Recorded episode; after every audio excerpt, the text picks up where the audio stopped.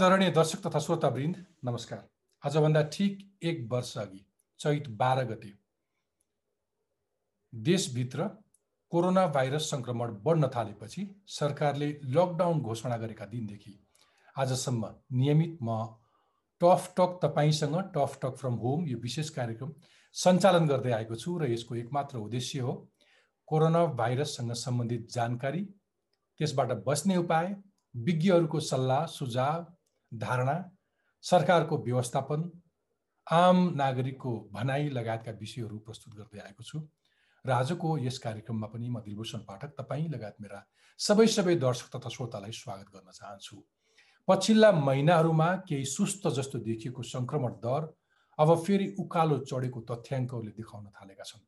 छिमेकी मुलुक भारतमा हालै मात्र नयाँ double mutant variant corona virus देखिएको छ भने सङ्क्रमण तीव्र रूपमा फैलिएर गएको छ जसका कारण हाम्रा नाकाहरूमा पनि कामका लागि विदेश जानेहरू हाम्रा दाजुभाइहरू स्वदेश फर्कने चाप बढेको छ।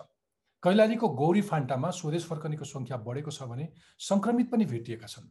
म्याग्दीमा विदेशबाट आउनेलाई अनिवार्य दस दिन क्वारेन्टाइन राखिने भएको छ। फेरि लकडाउन पो हुने हो कि आर्थिक गतिविधि बन्द पो हुने हो कि भन्ने त्रास पनि बढ्दछ तर स्वास्थ्य मन्त्रालयले विशेष सावधानी अप्नाउन सबैलाई अपिल जारी गरेको छ।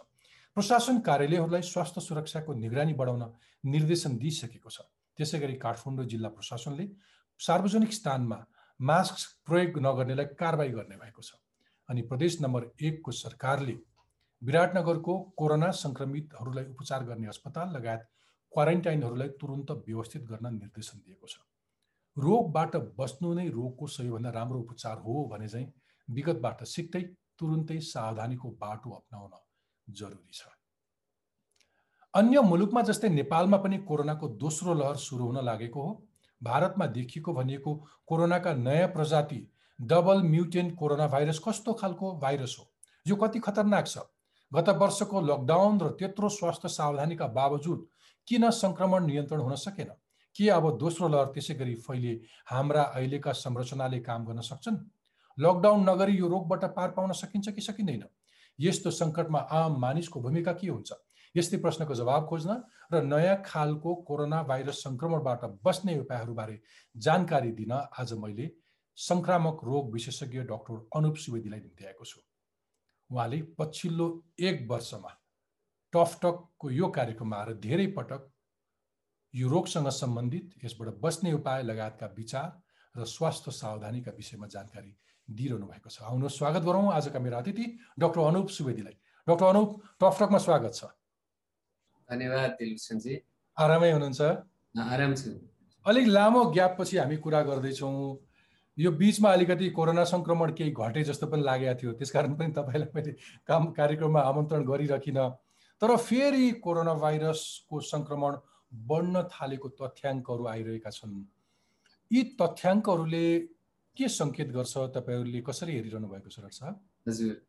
अब नेपालभित्रकै सङ्ख्या आँकडा हेर्दा चाहिँ अब अब यो दैनिक पोजिटिभ हुने सङ्ख्या घटेर पचास साठीसम्म पुगेको थियो अनि अब अलिकति पचासबाट सयमा पुग्दैमा आत्तिहाल्नु पर्दैन जस्तो मान्न सकिन्छ किनभने अलिअलि तलमाथि घटबड हुनसक्छ। अब खालि के देखिया छ भने लास्ट एक हप्ता जस्तो चाहिँ अलिकति सय कट्ने दिनहरू अलिक बढी भए एउटा चाहिँ। अनि पोजिटिभ हुने त्यो दर पनि बढी भएको छ। जतिमा परीक्षण गरिन्छ त्यसमा पोजिटिभ हुने दर बढी भएको छ।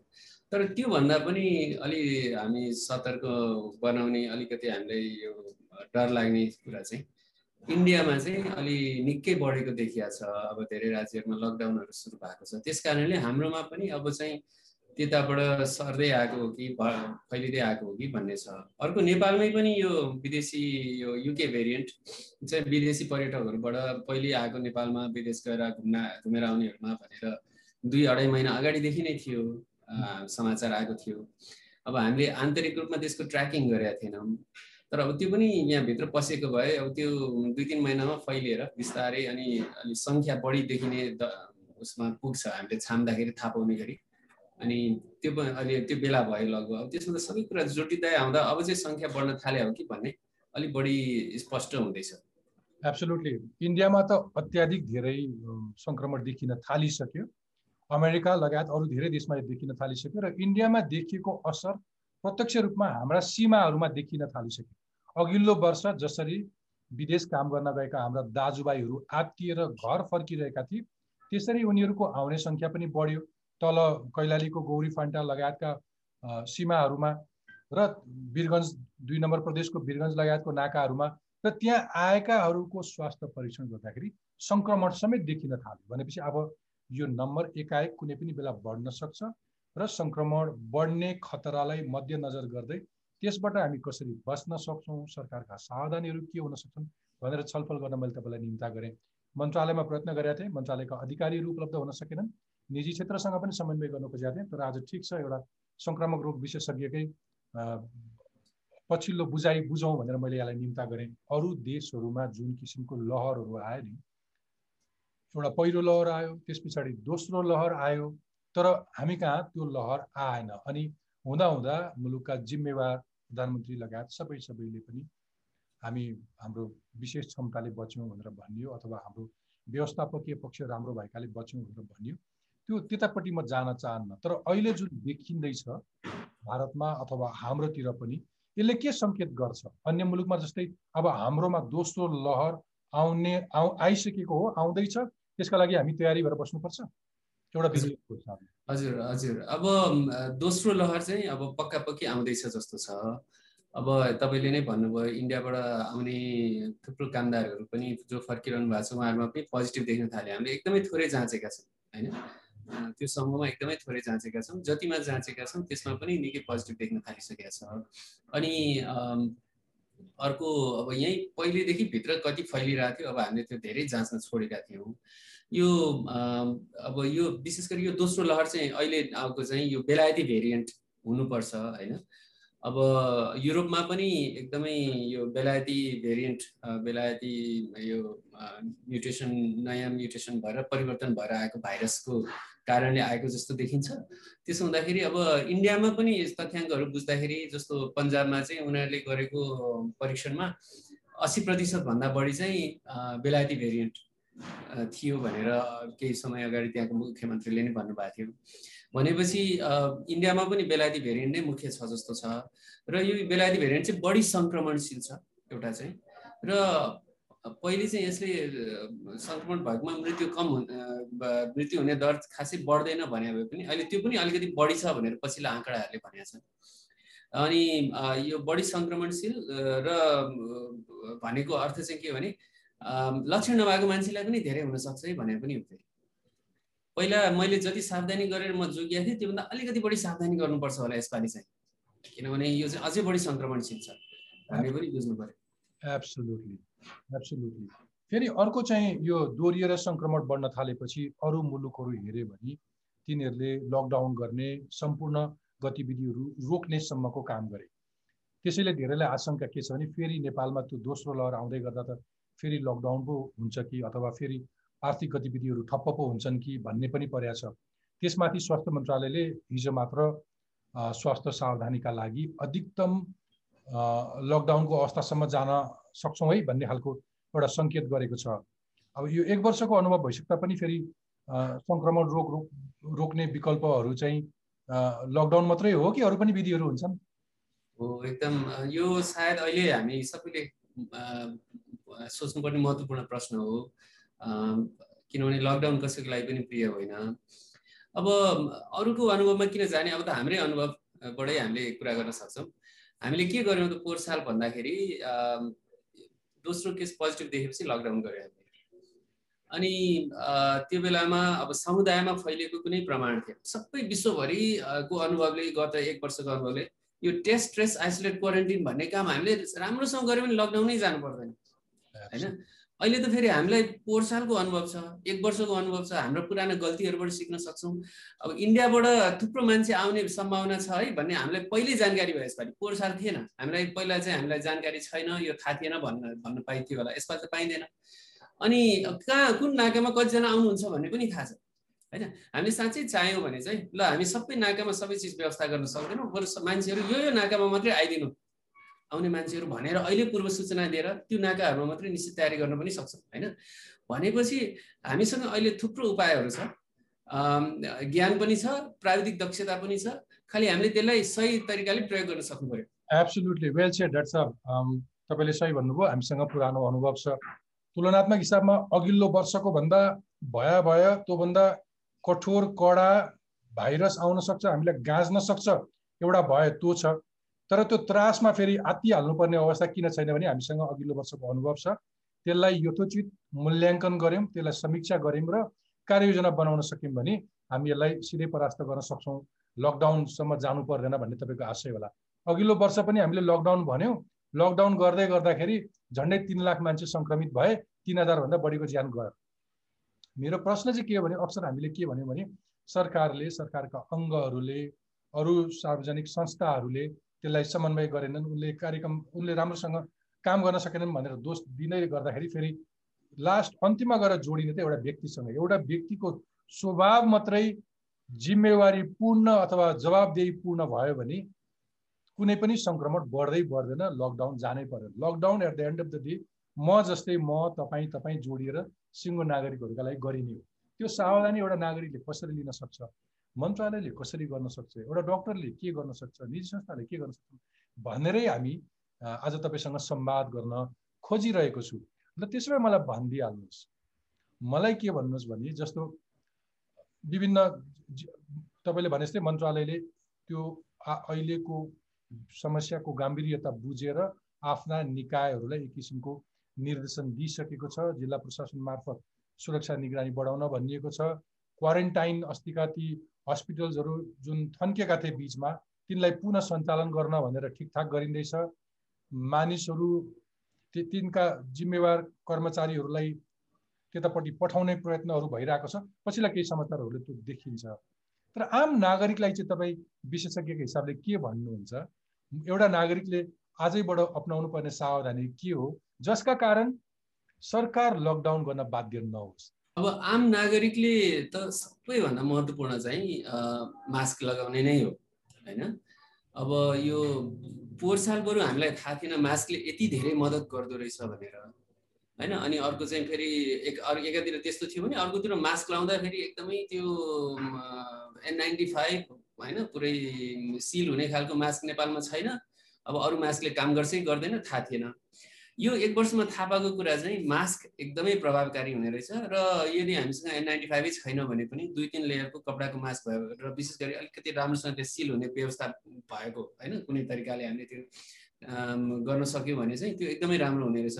इभन यो सर्जिकल मास्कै पनि यो छेउछेउमा यो त्यो मुजा चाहिँ यो भित्र छिराएर लगाउने युट्युबहरूमा थुप्रो भिडियोहरू छ जसमा चाहिँ अलिकति टाइट सिल गराउन सकिन्छ र त्यो धेरै प्रभावकारी हुने रहेछ। त्यो एनआइटी फाइभभन्दा धेरै कम त्यसको प्रभावकारिता छ भन्न मिल्दैन त्यो निकै राम्रै छ भन्ने देखिन्छ। अब भ्याक्सिनभन्दा महत्त्वपूर्ण मास्क हुन लाग्यो यसपालि। किनभने भ्याक्सिनले चाहिँ त्यो नयाँ भेरिएन्ट आउँदै जाँदा त्यो नयाँ भेरिएन्टलाई काम नगर्न सक्छ। संयोगवश सौभाग्यवश यसपालिको यो जुन बेलायती भेरिएन्ट छ त्यसलाई चाहिँ नेपालमा हामीले अहिलेसम्म लगाइरहेको भ्याक्सिनले काम गर्छ होइन?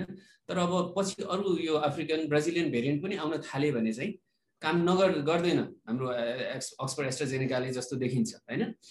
अब त्यसमा त भ्याक्सिन बरु शत विश्वास गर्न नसकिने भयो।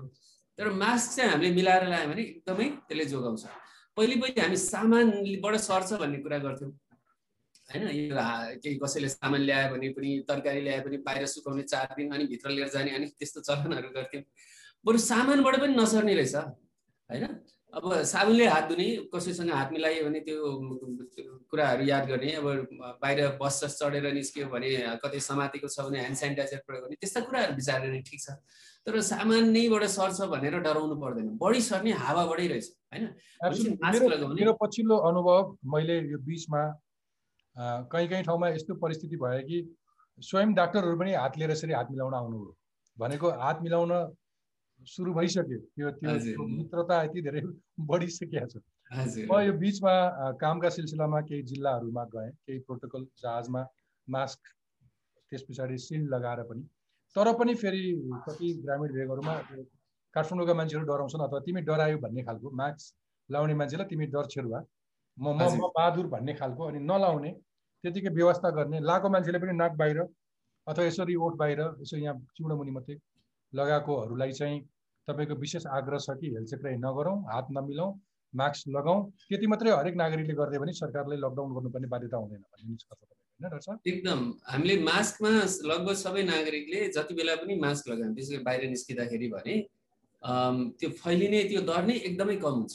विभिन्न देशमा त्यो मास्क म्यान्डेट भनेको सबैले मास्क लाउनै पर्ने नियम लगाएपछि महामारी चाहिँ सट्टै घट्न थालेको थुप्रो उदाहरणहरू देखियो कि। राम्रो अध्ययनहरूले देखाएको छ। अनि अर्को चाहिँ अब त्यो हावाबाट सर्ने भएको भएर यो बन्द कोठाभित्र चाहिँ मान्छेहरू भेला नहुन्। होइन? अब मास्क लगाएरै पनि बन्द कोठामा चाहिँ अलिक बढी डर छ एकदमै भेन्टिलेसन हुने ठाउँमा मात्रै बस्ने। होइन? झ्यालस्याल सबै खोलेर बस्ने कहीँ बस्नु पर्यो भने। होइन? अनि अर्को चाहिँ अब त्यही भिडभाड नगर्ने अब त्यो हामी सबैलाई थाहा हो यो एक वर्षमा हामीले एकदम धेरै सिकेको कुरा हो। हामीलाई छ ज्ञान छ तर त्यसलाई हामीले व्यवहारमा लागू गर्न सकेनौँ। तपाईँ त तपाईँसँग म सम्झिन्छु अघिल्लो वर्ष कोरोना भाइरसको कुरा हुँदै गर्दाखेरि अरू विश्वका अन्य भागमा फैलिँदा नेपालमा खासै समस्या नहुँदाखेरि तपाईँलाई मैले पहिलोपटक वर्ष दिनभन्दा धेरै अगाडि तपाईँलाई मैले स्टुडियोमै बोलाएर त्यतिखेर लकडाउन हुनुभन्दा अगाडि तपाईँसँग संवाद गरेको थिएँ। त्यतिखेर जुन बेला तपाईँ स्वास्थ्य मन्त्रालयको टेक्निकल कमिटीमा पनि हुनुहुन्थ्यो र तपाईँले सरकारलाई केही सरसल्लाह दिइरहनु भएको थियो। अहिले तपाईँ पछिल्लो समय मुलुकको एउटा नाम चलेको ह्याम्स हस्पिटलमा यो रोगको विशेषज्ञका रूपमा पनि काम गर्नुहुन्छ। अहिले तपाईँले मन्त्रालयले गरिरहेको तयारी सावधानीहरूलाई कसरी हेर्नु भएको छ? जस्तो इन्डियामा बढ्यो हाम्रा नेपाली दाजुभाइ आउँदैछन् तल भन्ने थपाउने बित्तिकै मन्त्रालयले अलिकति अग्रसरता देखाए जस्तो। भलै त्यो त्यहाँभित्र फेरि ह्युमन रिसोर्सको अभाव आजको यो संवादमा मैले प्रवक्तालाई प्रयत्न गर्दाखेरि त्यहाँका सहायक प्रवक्तालाई प्रयत्न गर्दाखेरि उनको त्यो सास फेर्ने पनि फुर्सद छैन। हामी कर्मचारीको अभाव छ भनेर भन्नुहुन्छ। मन्त्रालय आफैको हालत पनि देख्नु होला। तिनको परिस्थिति कसरी मूल्याङ्कन गर्नुहुन्छ? एउटा विज्ञको हिसाबले तपाईँको केही सुझाव नसुने पनि। अब अग्रसरता देखिएको छ। गएको दुई तिन दिनमा उहाँहरूको यो विभिन्न विज्ञप्तिहरू अब विभिन्न रिपोर्टहरू पठाएको होइन? त्यस्तो कुराहरू आएको छ। अग्रसरता देखिएको छ जस्तो लाग्छ। तर अब यो कुरा चाहिँ स्पिड एकदमै महत्त्वपूर्ण छ होइन? अब उहाँले जति परीक्षण गर्नुभयो सबैजनाले परीक्षण गर्नुभएको छैन। अब लक्षण भएको मान्छेलाई त्यो हेल्थ डेस्क राखिएको दुई तिनवटा नाकामा परीक्षण गर्दाखेरि जस्तो गौरी फन्टामा चौधजना देखियो भनेर आज कान्तिपुरमा थियो होइन? त्यसमा त लक्षण भएको मान्छेलाई मात्रै परीक्षण गरेको छ नि त। हामीले लक्षण नभएकोलाई त परीक्षण गरेको छैन। अनि परीक्षण गर्दा पनि हामीले एन्टिजेन टेस्ट मात्रै गरेको छ। अब एन्टिजेन टेस्ट भनेको चाहिँ कस्तो भने तपाईँले यो उसमा विशुद्ध यो ल्याब सेटिङमा एकदमै सही तरिकाले परीक्षण गर्दाखेरि एक्सपेरिमेन्टल कन्डिसन्समा भनौँ न गर्दाखेरि अब सत्तरी अस्सी प्रतिशत पोजिटिभ हुन्छ। होइन? अब तपाईँले अनि तर थुप्रो यस्तो उदाहरणहरू छन् जुन चाहिँ तपाईँले बाहिर पब्लिकमा विभिन्न यो अनकन्ट्रोल सेटिङहरूमा चाहिँ तपाईँले एन्टिजेन टेस्ट प्रयोग गर्दाखेरि चाहिँ त्यही चालिस पचास प्रतिशत पनि पुग्दैन त्यसको सेन्सिटिभिटी भनेको पोजिटिभ भएको मान्छे एक्टिभ इन्फेक्सन भएको मान्छे अरूलाई सार्न सक्ने मान्छेमा पनि चालिस पचास पचास प्रतिशतलाई पनि उसले चाहिँ छुट्याउन सक्दैन। त्यो पनि एकदम त्यो निश्चित गुणस्तर भएको एन्टिजेन टेस्टको कुरा गर्दा। अब नेपालमा त अहिले त अब त्यो पहिला निश्चित गुणस्तरकोले मात्रै ल्याउनु दिने भनेको थियो तर अहिले सबै थरी गुणस्तरको एन्टिजेन टेस्ट प्रयोग भइरहेछ भन्ने देखिन्छ। भनेपछि अब हामीले भरपर्दो टेस्ट प्रयोग गरेका छैन। हामीले सबै समुदाय जो जो आउनु भएको छ उहाँहरू सबैलाई टेस्ट पनि गरेका छैन। त्यसो त हामीले थोरै मान्छे पत्ता लगायौँ तर धेरै मान्छे यतिकै छिर्न दिने भइरहेछ जस्तो जस देखिन्छ। उहाँहरूले अलिक बढी मान्छेलाई टेस्ट त गर्नु होला तर त्यो सेटअप गर्दा अरू हप्ता दुई हप्ता एक महिना लाग्छ कि भन्ने जस्तो पहिलेकै जस्तो हामीलाई डर छ।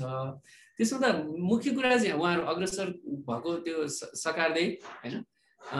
यो हामीले एउटा चाहिँ कम्तीमा अहिले सबैलाई पिसिआर गर्न सकिँदैन भने एउटा नाकामा ल एक दिनमा हामीले भनौँ न जतिजना आउनुहुन्छ त्यसको बिस प्रतिशतलाई पिसिआर गरौँ नि त।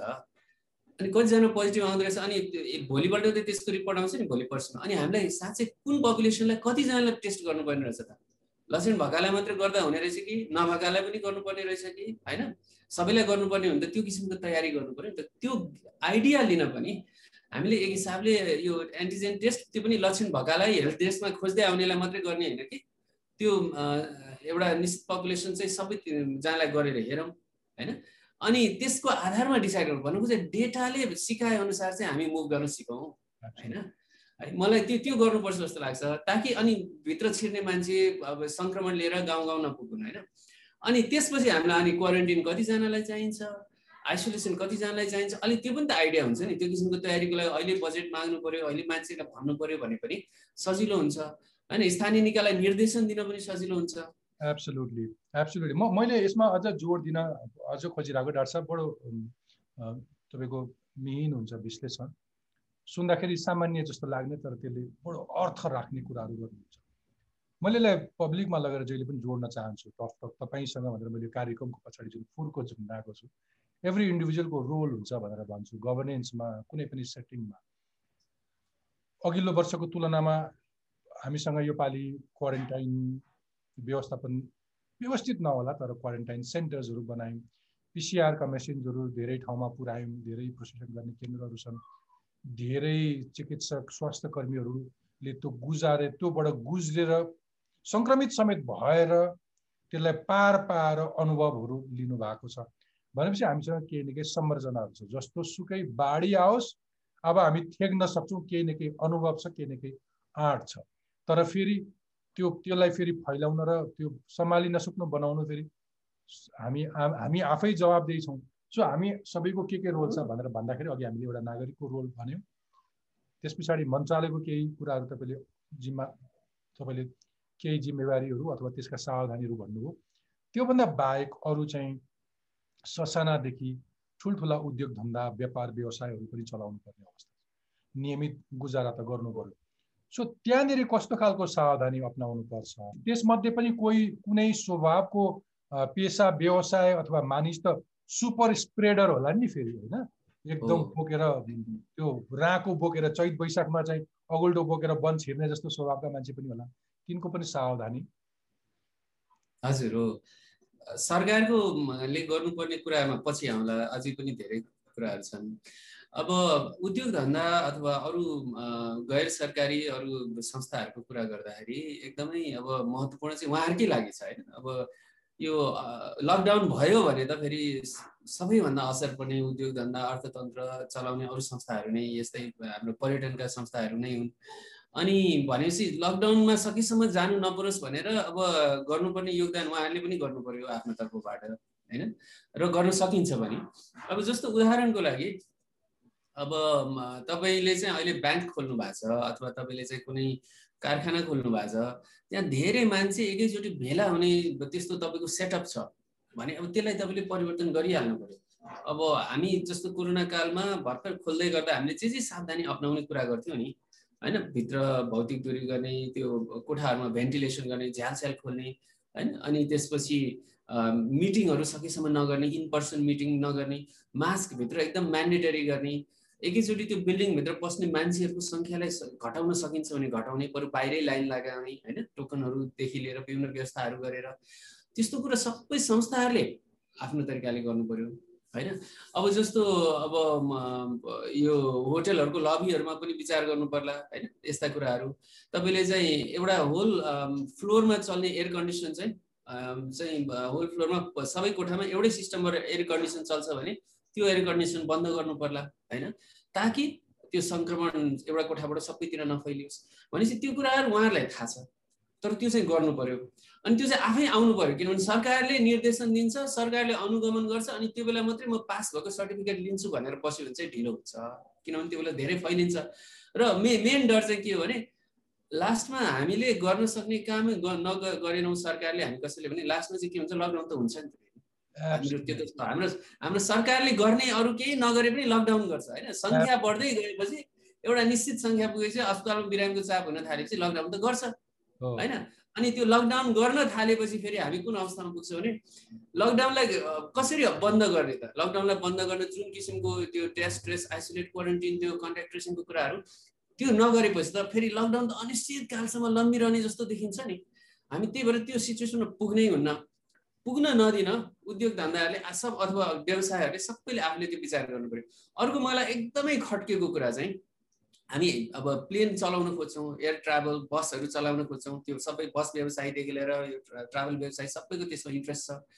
अब तर बसभित्र तपाईँले त्यो सावधानी अप्नाउनु भएन। बसभित्र मान्छेहरूलाई दुरीको काम गर्ने अथवा भित्र बसेर बाहिर निस्केर त्यो सेनिटाइजर प्रयोग गर्ने त्यो एउटा विकल्प दिइएन होइन? मास्क लगाउन म्यान्डेट गरिएन मान्छे चाहिँ भित्र खोक्दै बसिरहेछ खोकिरहेको मान्छे बसभित्र बस्ने होइन? अरू पनि बस्ने हुन्छ। अनि त्यहीँबाट सुपर स्प्रेडिङ इभेन्ट हुन थाल्छ होइन? अनि अब प्लेनमा अहिले के गरिरहेछ हामी एउटा फेस सिल्ड पनि दिँदैनौँ क्या होइन? अलि अस्तिसम्म त एक महिना जति अगाडिसम्म पनि थियो जस्तो लाग्छ। अहिले त हामीले फेस सिल्ड पनि दिन बन्द गर्यो होइन?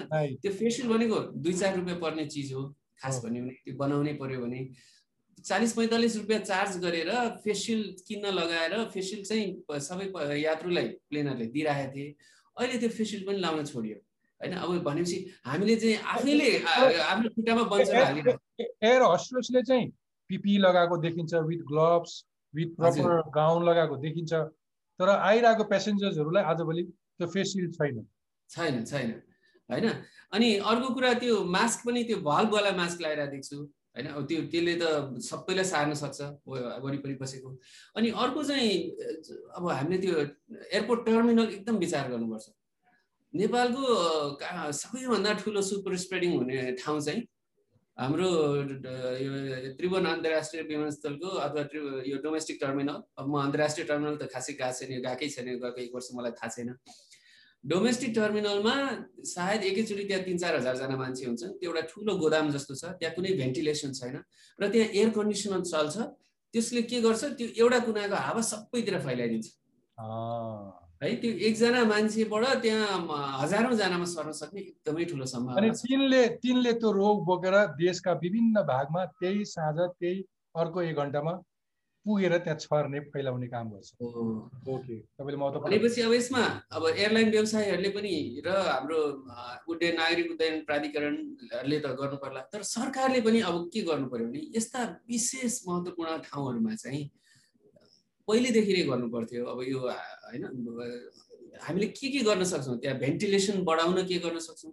त्यहाँ एकैचोटि धेरैजना मान्छेको जमघट हुन नदिन के गर्न सक्छौँ? त्यो फ्लाइटको त्यो स्केड्युल अलिकति मिलाउनु पर्ने हो कि? सायद एक दिनमा सय फ्लाइटको ठाउँमा एक दिनमा बरु तिस फ्लाइट मात्रै गर्ने हो कि? डाक्टर साहबको भनाइबाट म के सेन्स गर्दैछु भने मलाई के लागिरहेको थियो भने गत वर्ष नेपालमा भाइरस आउँदाखेरि कुनै पनि खालको स्वास्थ्य संरचनाहरू थिएनन्। अहिले हामीसँग स्वास्थ्य पूर्वाधारहरू तयार भएका छन्। त्यस कारण त्यस्तो आत्तिनु पर्दैन भन्ने जस्तो लागिरहेको थियो। त्यो तपाईँ पनि सहमत हुनुहोला। तर त्यति भन्दा भन्दै पनि अहिले देखिरहेको जुन सङ्क्रमणहरू छ तिनको त फेरि कन्ट्याक्ट ट्रेसिङ छैन अथवा त्यो भित्रभित्रै फेरि फैलिन धेरै समय लाग्दैन तत्काल हामीले त्यसलाई नियन्त्रण गरिहाल्नुपर्छ भन्ने आशय हो। जुन आशय तपाईँले अघिल्लो वर्ष पनि यसरी देखाइरहनु हुन्थ्यो अहिले पनि इमिडिएट रियाक्ट गर्ने बेला भइसक्यो नि होइन? कि हामी फेरि अङ्क हेरेर बसिरहनुपर्छ? एक्ज्याक्टली यो चाहिँ अहिले चाहिँ रियाक्ट गऱ्यो भने सजिलो छ कि फेरि? पोहोर साल चाहिँ हामीसँग कन्ट्याक्ट ट्रेसिङको तालिम भएका मान्छे पनि एकदमै कम थिए। त्यो मन्त्रालय इडिसिडीकै मान्छेलाई पनि यो कसरी गर्ने यो त एउटा त भाइरसै नयाँ होइन? कसरी गर्ने साँच्चै सकिन्छ कि सकिँदैन? वा फैलेको फैले हुने हो भने किन गर्ने भन्ने कुरा थियो। हाम्रा विज्ञहरूले पनि के भन्नुहुन्थ्यो भने समुदायमा फैल्यो भने कन्ट्याक्ट ट्रेसिङ गर्नै पर्दैन। डब्लुएचओको पुरानो इन्फ्लुएन्जाको गाइडलाइनले त्यसो भन्छ भनेर उहाँहरू त्यही रट लगाएर बस्नुहुन्थ्यो। हामीले होइन कन्ट्याक्ट ट्रेसिङ गरौँ भन्नेहरूलाई पनि एकदम मुख थुन्न खोज्नुहुन्थ्यो। अब अहिले चाहिँ अब विश्वभरिको अनुभवले तपाईँले जति कन्ट्याक्ट ट्रेसिङ गर्न सक्नुहुन्छ त्यति मात्रै गर्नुभयो भने पनि त्यो एक्कासी बढ्ने सङ्ख्या त कम हुन्छ नि त अलिक बिस्तारै बढ्छ नि त। तपाईँको स्वास्थ्य सेवा यो संरचनालाई धान्नै नसक्ने हुने अवस्था हुने सम्भावना कम हुन्छ नि त। त्यस कारणले अब अहिले चाहिँ हामीले सयजना मान्छे देखिरहेछौँ भने अहिले चाहिँ कन्ट्याक्ट ट्रेसिङ गर्न थालौँ न होइन? यो त एकदमै सजिलो छ हामीले म्यानेज गर्न सक्छौँ हामीले धान्न सक्छौँ। र गर्दाखेरि अहिले चाहिँ राम्रोसँग गरौँ यसपालि चाहिँ। पोहोर चाहिँ हामी के कस्तो किसिमको कन्ट्याक्ट ट्रेसिङ गरिरहेको थियौँ भने घर एभरेजमा एउटा पोजिटिभ मान्छेको कन्ट्याक्ट चाहिँ हामीले दुईजना पनि पत्ता लगाएको थिएनौँ। वान पोइन्ट समथिङ थियो होइन? एउटा घरमा तिन चारजना चाहिँ उसको कन्ट्याक्ट हुन्छन्। भने चाहिँ हामीले त घरकै मान्छेलाई पनि लगेर टेस्ट गर्न पुर्याउन सकेका थिएनौँ होइन? कन्ट्याक्ट भनेर आइडेन्टिफाई गर्न सकेका थिएनौँ। एउटा एउटा कुरा भनिदिनुहोस् तपाईँले अब तपाईँले मैले मैले अरू थप सजिलो बना मात्रै बनाइदिन खोजेको। तपाईँले यो कन्ट्याक्ट ट्रेसिङको कुरा गर्दै गर्दा हुन त पहिलेदेखि नै एउटा भनाइ छ कि सावधानी लिनु भनेकै त्यो रोगबाट बस्नु हो त्यसको उपचारै त्यही हो भन्ने एउटा भनाइ छ। सामान्य मान्छेलाई लाग्ला कि कन्ट्याक्ट ट्रेसिङले के हुन्छ? पिसिआर टेस्ट गरेर हस्पिटल लैजाऊ सुताउ लाइन लगाऊ त्यो पो उपचार भन्नु ठान्छन् होला। तर तपाईँले भन्नुहुन्छ कन्ट्याक्ट ट्रेसिङ आफै एउटा गतिलो उपचार हो। त्यो त्यो ट्रेस गर्न मात्रै सकियो भने धेरै रोग घट्छ भनिरहनु भएको छ। त्यसका लागि त हामीलाई फेरि संरचनाहरू चाहिए। अघि मैले भने जस्तै अघिल्लो पटक बनाइएका जुन स्वास्थ्य संरचनाहरू निर्माण गऱ्यौँ यो बिचमा अनुभवहरू जति गऱ्यौँ तिनको अवस्था कस्तो पाउनु भएको छ? फर इक्जाम्पल पिसिआर सेन्टरहरूको अवस्था कस्तो छ?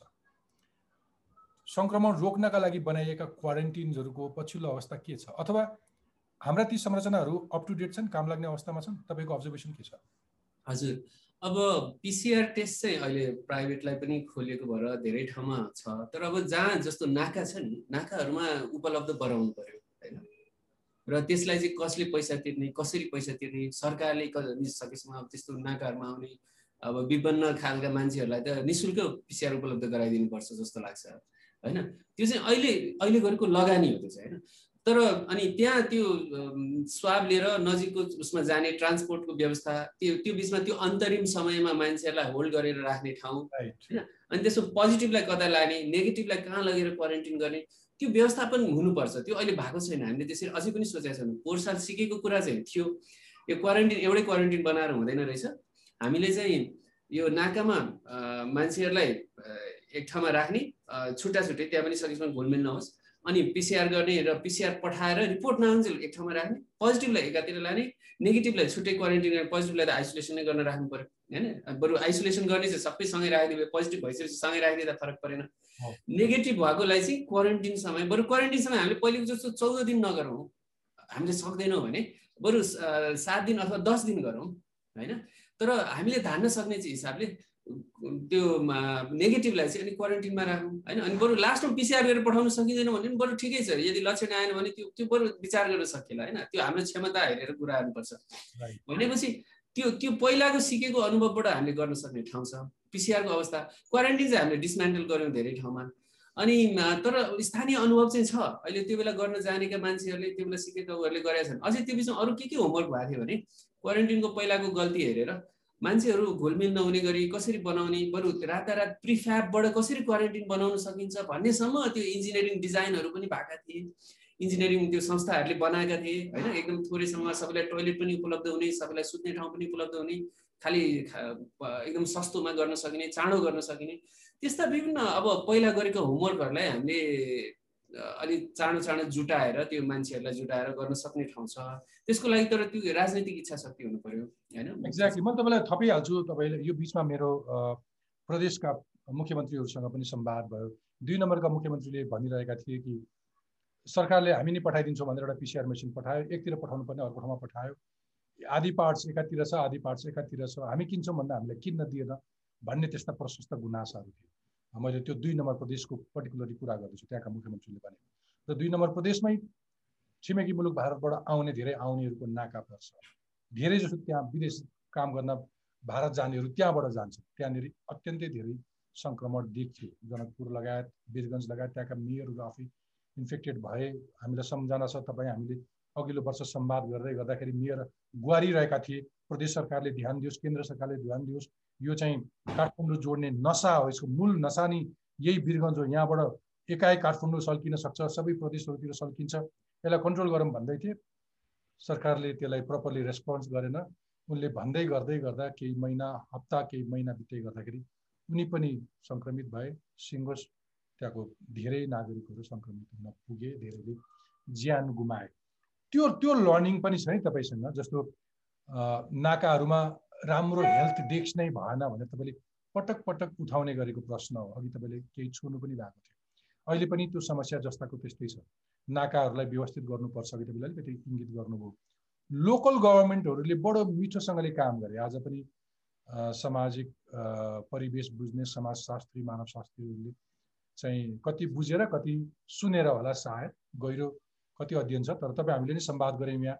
स्थानीय गाउँपालिकाको एउटा प्रमुखले चाहिँ लकडाउन भएपछि किसानको चाहिँ गहुँ काटिदिए ट्र्याक्टर ल्याएर स्याङ्जा जस्तो ठाउँमा त्यहाँको नगरपालिकाका मेयरले किसानहरूको बारीमा फलेको तरकारीलाई चाहिँ कृषि एम्बुलेन्सको नाम दिएर त्यसलाई मान्छेहरूको बारीमा कुहिन नदिएर त्यसलाई मान्छेका घर घरसम्म पुर्याइदिने व्यवस्था गरे धादिङमा केही गाउँपालिकाका मान्छेहरूले चाहिँ खाद्यान्नहरू सङ्कलन गरेर खाद्यान्न ब्याङ्क बनाए क्रिएटिभली काम गरे कि हेलम्बुमा त्यहाँका गाउँपालिकाका अध्यक्षले त्यहाँका चिकित्सकहरूलाई आग्रह गरेर यो बेलामा आफ्ना गाउँले दाजुभाइलाई गुण लगाऊ भनेर त्यहाँका चिकित्सकलाई घर घरमा गएर स्वास्थ्य परीक्षण गरे होइन सचेतना कार्यक्रमहरू सञ्चालन गरे।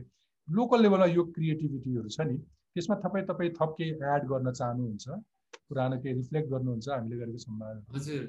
अहिले त्योभन्दा पनि अब हामी सजिलो अवस्थामा छौँ होइन। अब त्यो बेला चाहिँ पहिला लकडाउन गरियो अनि त्यसपछि विभिन्न काम गर्नुपर्ने अब पिसिआर मसिन ल्याउनु पर्ने अनि त्यस्ता कुराहरू थिए। अहिले त एउटा कुरा विश्वव्यापी रूपमा त्यो मसिनहरूको पिपिईहरूको प्रतिस्पर्धा छैन भनौँ न होइन। अब पहिलाभन्दा धेरै सस्तोमा पाइन्छ। होइन रिएजेन्ट पनि पहिलाभन्दा धेरै सस्तोमा पाइन्छ। सामानहरू ल्याउनु पऱ्यो भने सस्तोमा पाइन्छ। अब पहिले सायद अब यो प्रदेश सरकारले केही सामान ल्याउँछु भन्यो भने अब फ्लाइटै थिएन। होइन अनि केन्द्रको मुख ताक्नु पर्थ्यो एउटा चार्टर गरेको एउटा फ्लाइटमा सबै ल्याउनु खोज्नु पर्थ्यो होला अनेक किसिमको प्राविधिक जटिलताहरू थिए। अहिले त्यस्तो समस्या छैन। त्यसो हुँदा उहाँहरूले चाहिँ साँच्चै अब पहिलेको अनुभव त छँदैछ। सकेसम्म त्यो लकडाउनको अनुभवमा त जानै नपरोस् होइन? अनि अहिले पनि त्यो पहिलेको अनुभवबाट सिकेर हामीलाई के के चाहिन सक्छ? कस्ता सामान चाहिन सक्छन्? नाकाहरूमा जस्तो सेटअप गर्नलाई क्वारेन्टिन सेटअप के के सामान चाहिन्छ? त्यो अहिले उहाँहरूले एकदम सस्तोमा पहिलेभन्दा धेरै सस्तोमा पहिलेभन्दा धेरै सजिलो तरिकाले ल्याउन सक्नुहुन्छ। र त्यो ज्ञान पनि भएको भएर त्यो व्यवस्थापनको हिसाबले पनि उहाँहरूलाई धेरै सजिलो हुन्छ। अब अर्को अर्को यो बिचमा भ्याक्सिन पनि आइसकेको छ। फ्रन्ट लाइनमा काम गर्नेहरूले भ्याक्सिन लगाए केही केही वृद्धहरूले एक एक डोज लगाइसके दोस्रो डोज लाउनु पर्ने अवस्था थियो। भारतले पठाउनु पर्ने दस लाख भ्याक्सिन चाहिँ अब हामीलाई नै चाहिन्छ होला भनेर उसले अब नदिने भयो हामीलाई दिन वचन दिइसकेको त्यो समाचारहरू आइरहेका छन्। सरकारी तर्फबाट कस्तो पहल हुन्छ त्यो हेर्न बाँकी नै छ। अब त्यो भ्याक्सिन लगाएकोहरूलाई सङ्क्रमण एउटै डोजले त नहोला भनेर अघि तपाईँले भन्नुभयो त्यसलाई अलिकति फुटाइदिनुहुन्छ। अस्ति भ्याक्सिन लगाएका लगाएकाहरू त यति धेरै कन्फिडेन्स छ कि हात मिलाउन अँगालो मार्न मास्क त थन्काइदिइसके अथवा फालिदिइसके। तिनलाई के भन्नुहुन्छ? हजुर हो। अब स्वास्थ्य कर्मीहरूले आधा जतिले लाउनु भयो जस्तो लाग्छ अथवा आधाभन्दा कमले लगाउनु भयो होइन। स्वास्थ्य कर्मी सफाइ कर्मीहरूले सुरुको लटमा अपेक्षा गरेको भन्दा त्यसो हुँदा थुप्रो त लाउनु भएकै छैन। जसले एक डोज लगाउनु भयो अब उहाँहरूलाई चाहिँ अब यो भ्याक्सिनले दिने प्रोटेक्सन चाहिँ आउने अब तिन महिनासम्म चाहिँ त्यही साठीदेखि सत्तरी प्रतिशतको रेन्जमा हुन्छ यसको एफिकेसी होइन? भन्न खोजेको चाहिँ भ्याक्सिन नलागेको मान्छे भन्दा चाहिँ उनीहरूमा सङ्क्रमण देखिने दर त्यति कम हुन्छ भने हो अर्थात् अब तपाईँलाई आधा तिस चालिस प्रतिशत चाहिँ अझै पनि रिस्क छ। होइन? त्यो एउटा कुरा भयो। अर्को कुरा चाहिँ भ्याक्सिन दुवै डोज लगाएपछि पनि हन्ड्रेड पर्सेन्ट नै जोगाउने चाहिँ होइन। खालि तर भ्याक्सिन लगाएको मान्छेलाई चाहिँ के चाहिँ फाइदा हुन्छ भने एकदम सिकिस्त भएर ज्यान लिने अवस्था हुने सम्भावना चाहिँ कम हुन्छ होइन? अब एक डोजले पनि त्यसमा केही प्रोटेक्सन दिन्छ। त्यसो हुँदा हामी पहिलाभन्दा अलिकति सुरक्षित छौँ त्यो चाहिँ पक्का हो। तर त्यसो भनेर अब ए म पुरै सुरक्षित भएँ मैले वास्ता गर्नु पर्दैन भन्ने त गर्नै परेन। प्लस आफ्नो परिवारको समाजको मान्छेहरूले पटकै लगाएको छैन होइन? अब हाम्रो देशको तिन चार प्रतिशतभन्दा बढी जनसङ्ख्याले लगाएको छैन भनेर। अब भ्याक्सिनले त दिने जुन प्रोटेक्सन छ त्यो त हामीले नेपालीले त पाएनौँ नि त। ओके भ्याक्सिन लगाएकाहरूले अरूलाई सार्ने सम्भावना रहन्छ कि रहन्न? भ्याक्सिन लगाएकाहरूले अब जस्तो म चाहिँ एक डोज लगाएको छु। मलाई अब हुने सम्भावना सङ्क्रमण हुने सम्भावना केही घटेको छ र सिकिस्त सङ्क्रमण हुने सम्भावना चाहिँ सिकिस्त हुने सम्भावना झन् घटेको छ। तर मलाई सङ्क्रमण भएर मैले थाहा नपाइकन अरूलाई सार्ने सम्भावना त ठुलै छ। मैले भ्याक्सिन लगाएको छु तर मैले अरूलाई सार्ने सम्भावना रहन्छ। रहन्छ। त्यो एकदम सतर्क हुनुपर्छ। मैले अरूलाई पनि सार्न सक्छु र मलाई पनि लाग्न सक्छ फरक के मात्रै हो भने म सिकिस्त हुने सम्भावना केही कम छ। पूर्ण रूपमा होइन केही कम सम्भावना र म सङ्क्रमित पनि हुन सक्छु फेरि सिकिस्त पनि हुन सक्छु। ओके।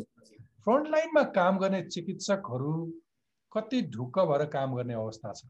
अनुभवका आधारमा भ्याक्सिन लगाएका आधारमा? हजुर। अलिकति हामीलाई ज्ञान अनि त्यसपछि अब यो कसरी पर्सनल आफू जोगिने भन्ने थाहा भएको कुरा। यसले गर्दा र अलि मनोवैज्ञानिक रूपमा अलिक तयार पनि छौँ होइन हामी अहिले जस्तो कोभिडको बिरामी नै यति धेरै हेऱ्यो कि अब चाहिँ ए यत्तिकै मैले यी प्रोटेक्सन अप अप्नाउँदाखेरि मैले यी मास्क लगाउने यो दुरीका हात धुने कुराहरू यो सब गर्दाखेरि फेसियल लगाउँदाखेरि चाहिँ म जोगिने रहेछु भने त्यो किसिमको एउटा आत्मविश्वास चाहिँ छ होइन? म साँच्चै एक वर्ष थुप्रो बिरामीहरू हेऱ्यो अहिलेसम्म मलाई सङ्क्रमण भएको छैन भने। काम गर्दो रहेछ नि त होइन? अथवा अथवा अथवा त्यो त्यतिखेरका स्वास्थ्य कर्मीहरूप्रति अति धेरै सम्मान छ। यो यो पहिलो लहरबाट हामी बचेकै चिकित्सकहरू स्वास्थ्य कर्मीहरू को ठुलो योगदान छ। तर एउटा स्थिति यस्तो पनि आएको थियो कि भागिने स्थिति आयो नि डाक्टरहरू। कतिलाई त डर पनि भयो।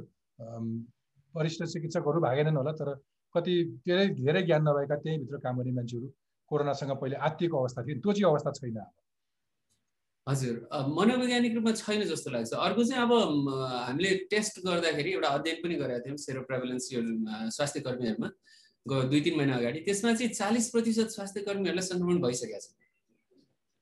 त्यसको अर्थ त्यसले पनि केही प्रोटेक्सन दिएको हुन्छ होइन? अब कतिले भ्याक्सिन लगाउनु भएको छ। भयो कन्फिडेन्स पनि बिल्ड भयो सावधानी गर्ने सावधानी हुने तरिकाहरू पनि सिकिए यी कुराहरूले म्याटर गर्छ भन्ने हुनुहुन्छ र अब पिपिईहरू किनेर ल्याउनु पर्दा अहिले सस्तो छ अहिले ल्याउन पनि सकिन्छ फ्लाइट नभएको पुर जस्तो अवस्था छैन। त्यसो हुँदा हामी पहिलाभन्दा धेरै सबल ठाउँमा छौँ। खालि कुरा के भने हामीले महामारी नियन्त्रण गर्ने काम चाहिँ त्यो सबभन्दा महत्त्वपूर्ण छ। त्यो किन महत्त्वपूर्ण छ भने यो कन्ट्याक्ट ट्रेसिङ क्वारेन्टिन आइसोलेसन गरेनौँ र बेसरी फैलिरहन दियौँ। हामी सुरक्षितै छौँ भनेर बेसरी फैलिरहन दियौँ भने के हुने रहेछ त? नयाँ भेरिएन्ट नेपालमै बन्न सक्छ होइन? अनि त्यो भेरिएन्ट चाहिँ फेरि हाम्रो भ्याक्सिनले पनि प्रोटेक्सन नदिने। हामीले अगाडि सङ्क्रमण भएर पाएको त्यो रोग प्रतिरोधी क्षमताले पनि नबचाउने। हुनसक्छ त्यो नयाँ भेरिएन्ट होइन? जस्तो यो पश्चिमी देशहरूमा ब्राजिल साउथ अफ्रिकाबाट आएका भेरिएन्टहरू पनि फैलिन थालेको छन् त्यो इन्डिया पनि आइपुगिसकेको छ त्यो समाचारमा आएको छ। मलाई अब तपाईँले प्रसङ्ग ल्याइहाल्नु भयो इन्डियामा त अझ double mutant variant corona virus भनेर भनिएको छ। मलाई त्यो त्यो त्यो भाइरसको प्रजाति कसरी बदलिन्छ? होइन यो कस्तो खालको प्रसङ्ग आइसकेपछि विज्ञको मुखबाट मेरा दर्शकले बुझ्ने गरी भनिदिनुहोस् कि यो कोरोनाका विभिन्न प्रजातिहरू आइरहँदाखेरि पछिल्लो छिमेकी मुलुकमा देखिएको अलिकति ठुलो रूप लिएको भनौँ न अथवा double mutant variant corona virus भनेको के हो?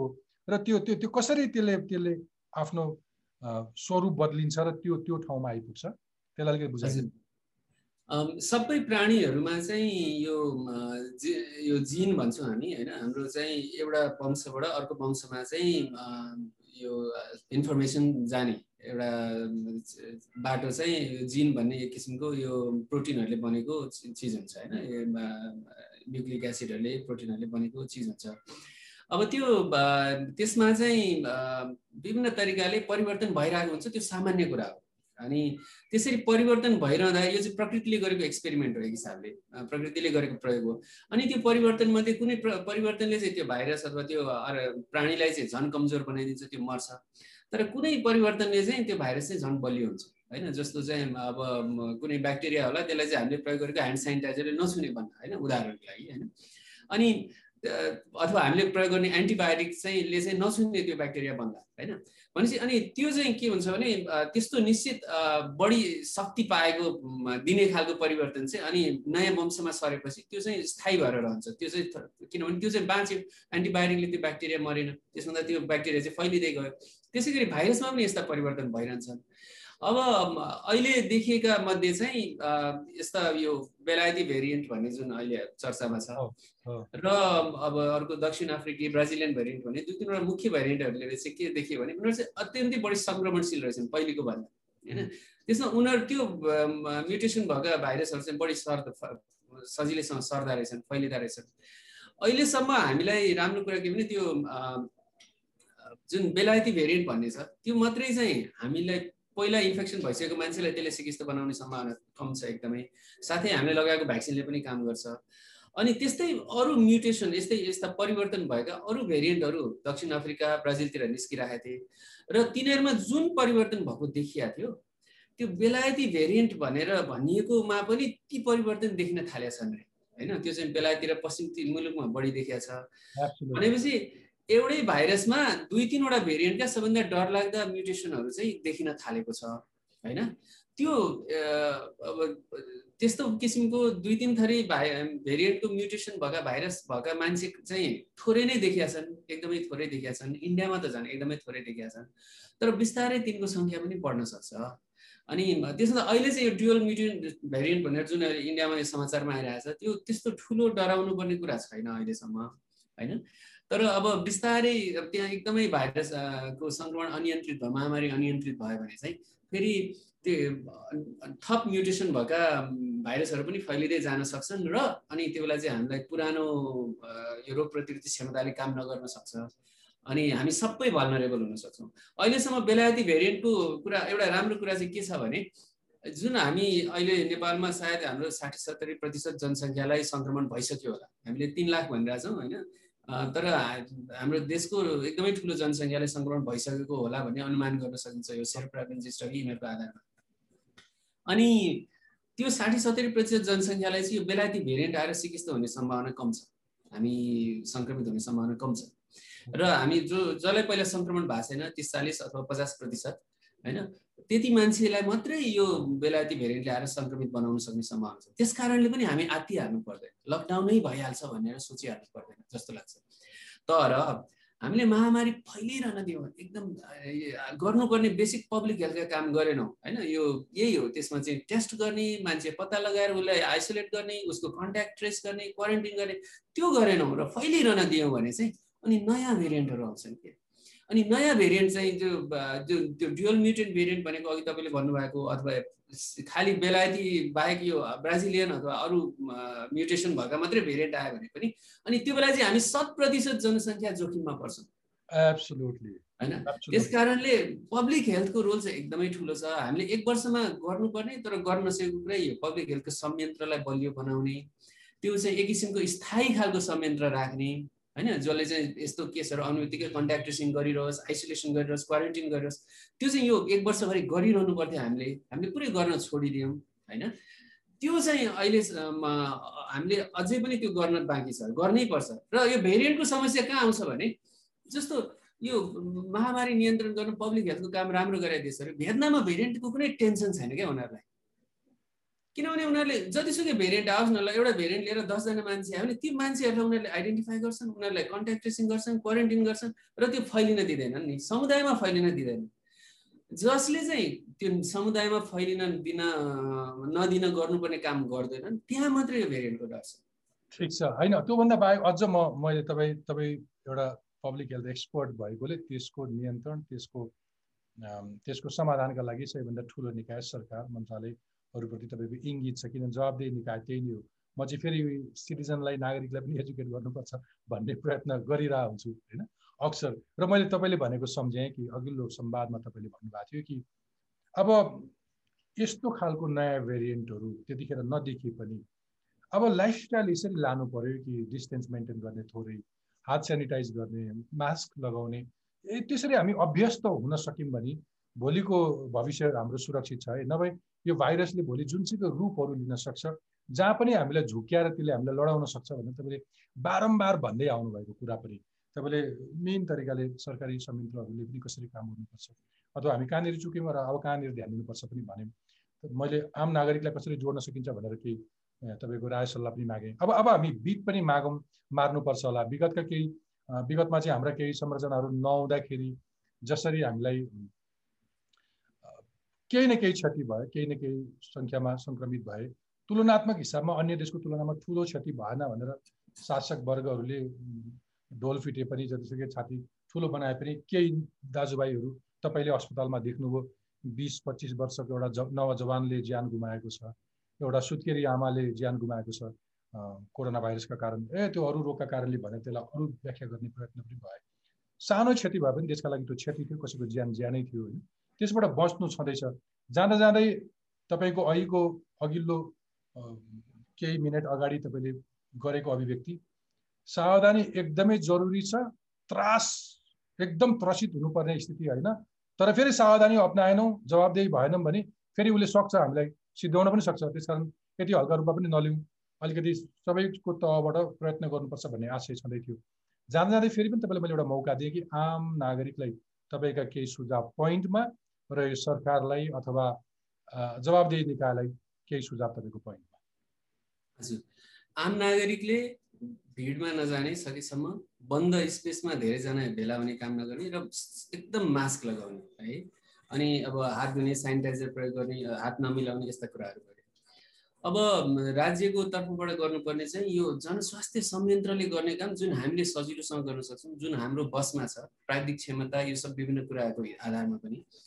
त्यो चाहिँ यो testing contact tracing quarantine isolation त्यो एकदम राम्रोसँग गरौँ ताकि अस्पतालमा चाप नपरोस् यो यसको लागि हामी पहिलेभन्दा धेरै बढी तयार छौँ। त्यसमा त हामी लकडाउनकै अहिले कुरा गरिहाल्नुपर्ने आवश्यकता छैन र अहिले चाहिँ सङ्ख्या सानो भएको भएर अहिलेदेखि हामीले यो गर्न थाल्यौँ र अहिलेदेखि नियन्त्रण गर्न थाल्यौँ भने एकैचोटि सङ्ख्या वात्तै बढ्ने सम्भावना एकदमै कम छ। अब मुख्य कुरा यहाँ चाहिँ के छ भने यो यो अहिले मैले जति यो टेक्निकल कुराहरू भने यो सम्भावनाको कुरा गरेँ जनस्वास्थ्यका कुरा गरेँ त्यो थाहा पाउने मान्छे मन्त्रालयमा नेपालको स्वास्थ्य सेवा विभागमा हुनुहुन्छ होइन? तर मैले विगत एक वर्षमा सिकेको मलाई सबभन्दा एउटा तितो अनुभव चाहिँ के हो भने त्यो बुझेका गर्नुपर्छ यो हाम्रो जिम्मेवारी हो यसरी गरौँ भनेर भन्ने भन्न सक्ने मान्छेहरूको क्रिटिकल मास चाहिँ एकदमै कम रहेछ। त्यो सरकारी संयन्त्रमा त्यो क्रिटिकल मास छैन राम्रो मान्छेहरू हुनुहुन्छ तर उहाँहरूको क्रिटिकल मास पुग्दैन। र त्यसमा त यो गराउने भनेको चाहिँ पोलिटिकल इच्छा शक्ति पोलिटिकल अठोटबाट हुन्छ। यो पोलिटिकल लेभलको मान्छेले चाहिँ म सरकारमा छु यो महामारीको यो नयाँ भेरिएन्ट आएर फेरि हामी पहिले जस्तै लकडाउनमा जानुपर्ने स्थिति नआउने यसलाई समुदायमा इस्टाब्लिस भएर अनियन्त्रित रूपमा बढ्न नदिने हाम्रो उद्देश्य हुनुपर्छ। त्यसको लागि हामी सक्छौँ भन्ने पनि बुझिएको छ। त्यसको लागि गर्नुपर्ने कुरा के के हुन् ल तिमीहरू गर म राज्यको तर्फबाट फुल सपोर्ट गर्छु तर मैले तिमीहरूलाई अकाउन्टेबल पनि बनाउँछु। तिमीहरूले यो यस्ता यो जुन व्यवस्थापनमा हामीले पहिलेदेखि सिक्नु परेको कुराहरू सिके सुकेनौ भए के अरे गर्न सकेनौ र तिमीहरू चुक्यो भने चाहिँ तिमीहरूलाई अकाउन्टेबल पनि बनाउँछु। अर्को मान्छे ल्याउँछु। तर मलाई हाम्रो यी निश्चित उद्देश्य चाहिँ पुरा हुनैपर्छ। हामी गरेर सोच्छौँ भने राजनैतिक लेभलबाट त्यो कुरा आउनुपर्छ। एब्सोल्युटली अनुपजी अर्को तपाईँले सक्नुभन्दा अगाडि अन्तिम बिट म तपाईँलाई जोड दिन्छु अर्को। म यो कार्यक्रम चलाउँदै गर्दाखेरि देश विदेशबाट धेरै यस्ता वैज्ञानिकहरूको संस्था वैज्ञानिकहरू विद्वानहरूले केही सहयोग गर्न खोजे। भनेको मन्त्रालयले त कोलाबरेट गर्नु पऱ्यो नि। अरू सहयोगी हातहरूलाई वेलकम गर्नु पऱ्यो। जति धेरै नेटवर्किङ बनायो त्यति धेरै काम गर्न सजिलो हुन्छ। त्यस्ता धेरै विदेशी संस्था विदेशमा बस्ने नेपाली डाक्टरहरूले वैज्ञानिकहरूले हामी हाम्रो यहाँको सिकाइहरू त्यहाँ भलिन्टियरली स्वयंसेवक रूपमा नि शुल्क हामी देशलाई योगदान पुऱ्याउँछौँ भन्दाखेरि मन्त्रालयका मान्छेहरूले त्यसलाई वेलकम नगरेको त्यसलाई महत्त्व नदिएको बरु कमिसन खोजेको के खोजेको? त्यो खरिद बिक्रीमा बढी ध्यान दिएको भनेर केही आरोपहरू लगाए। म यो कार्यक्रम सञ्चालन गरेर थाहा पाएका मान्छेले त भनिदिनुहोस् तपाईँ मन्त्रालयमा यत्रो नेपालीले ज्यान गुमाइरहेका छन् यत्रो सङ्क्रमण फैलिएको छ तर हामी सहयोग गर्छौँ भन्दा पनि त्यो मन्त्रालयमा त्यो त्यो संयन्त्र छैन भनेर गुनासो पनि थियो। यीका मान्छेहरूसँग पनि समन्वय भएन भन्ने पनि गुनासो थियो। त्यस कारण यी सिकाइहरू पनि लागू गर्नुपर्छ होला। तपाईँले थप्दै हुनुहुन्थ्यो केही?